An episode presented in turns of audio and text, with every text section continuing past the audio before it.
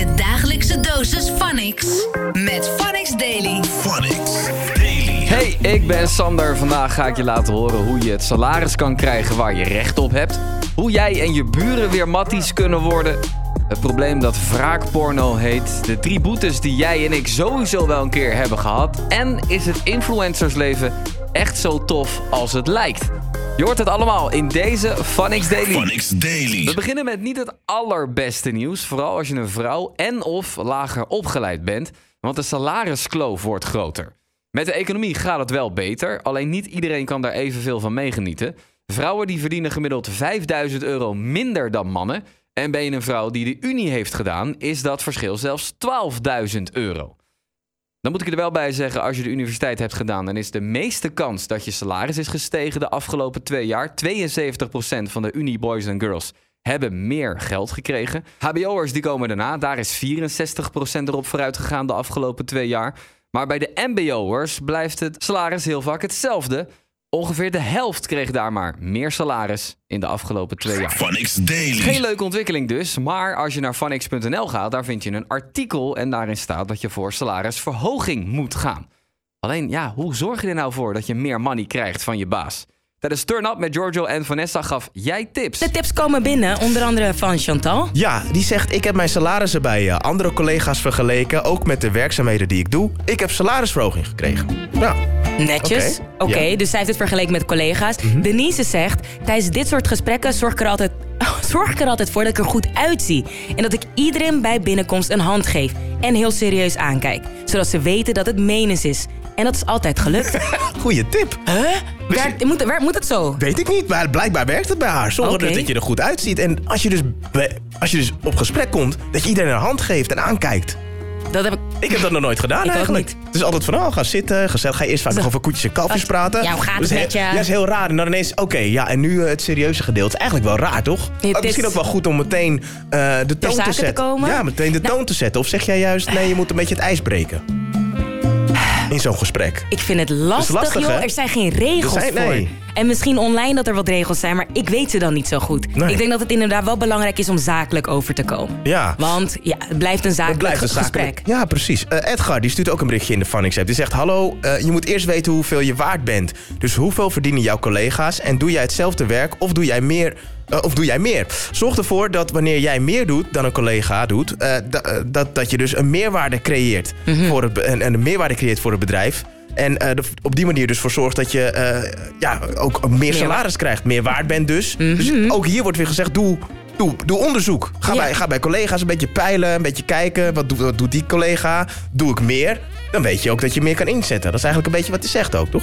Ja, ik wist niet eens. dat- Oké, handig. Lijkt me heel handig om dit te weten. Maar dan moet je dus ook echt weten wat andere collega's verdienen. Dat is wel een ding natuurlijk ook. ja, je, moet wel, je hebt altijd collega's die je kunt vertrouwen. Ja, en daar moet je dan maar mee doen. Ja. Marvin zegt het volgende. Lees je goed in. Bereid je goed voor. Er zijn hele onderhandelingstechnieken te vinden op het internet. En wees niet bang om hoog in te, te zetten.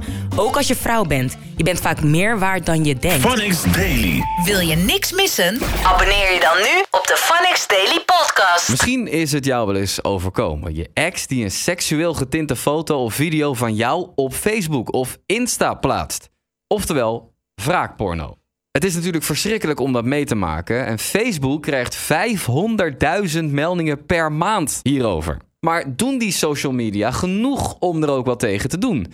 Dat kon techjournalist Casper Meijer van de NOS bij Fernando goed vertellen in Start. Nou ja, het is natuurlijk niet toegestaan om dit soort foto's te verspreiden zonder iemands toestemming. En überhaupt naaktfoto's mogen niet op Facebook. Dus wat, je, wa- wat er gebeurt, je kan melden als, eh, als het jou overkomt. En dan wordt het door een moderator zo snel mogelijk bekeken en weggehaald. En dan worden die foto's ook eh, ja, soort van ge- ehm, geanalyseerd zodat het niet opnieuw gedeeld kan worden.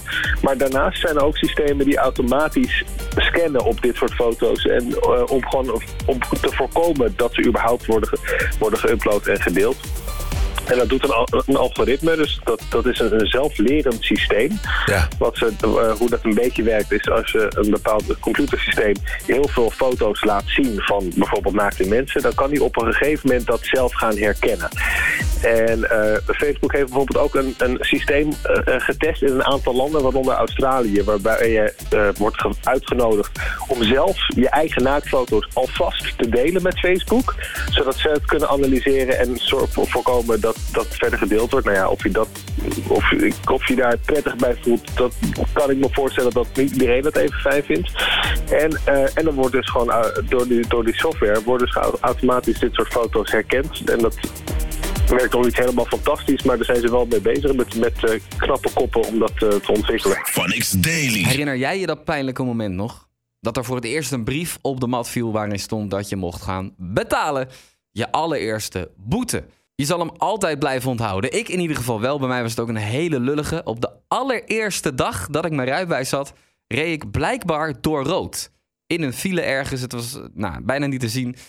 Maar toen kreeg ik dus een eh, boete. Heel erg veel geld, heel erg zonde. En op Insta vroegen we wat jouw eerste boete ooit was. En de top 3 was toch wel fietsen op het voetpad, zonder lichtfietsen en zwart rijden. Hopelijk heb je ervan geleerd. Phonix Daily. Beter een goede buur dan een verre vriend, hoor je wel eens mensen zeggen. En was dat altijd ook maar zo? Heel veel mensen, inclusief ikzelf, hebben wel eens gedoe met buren.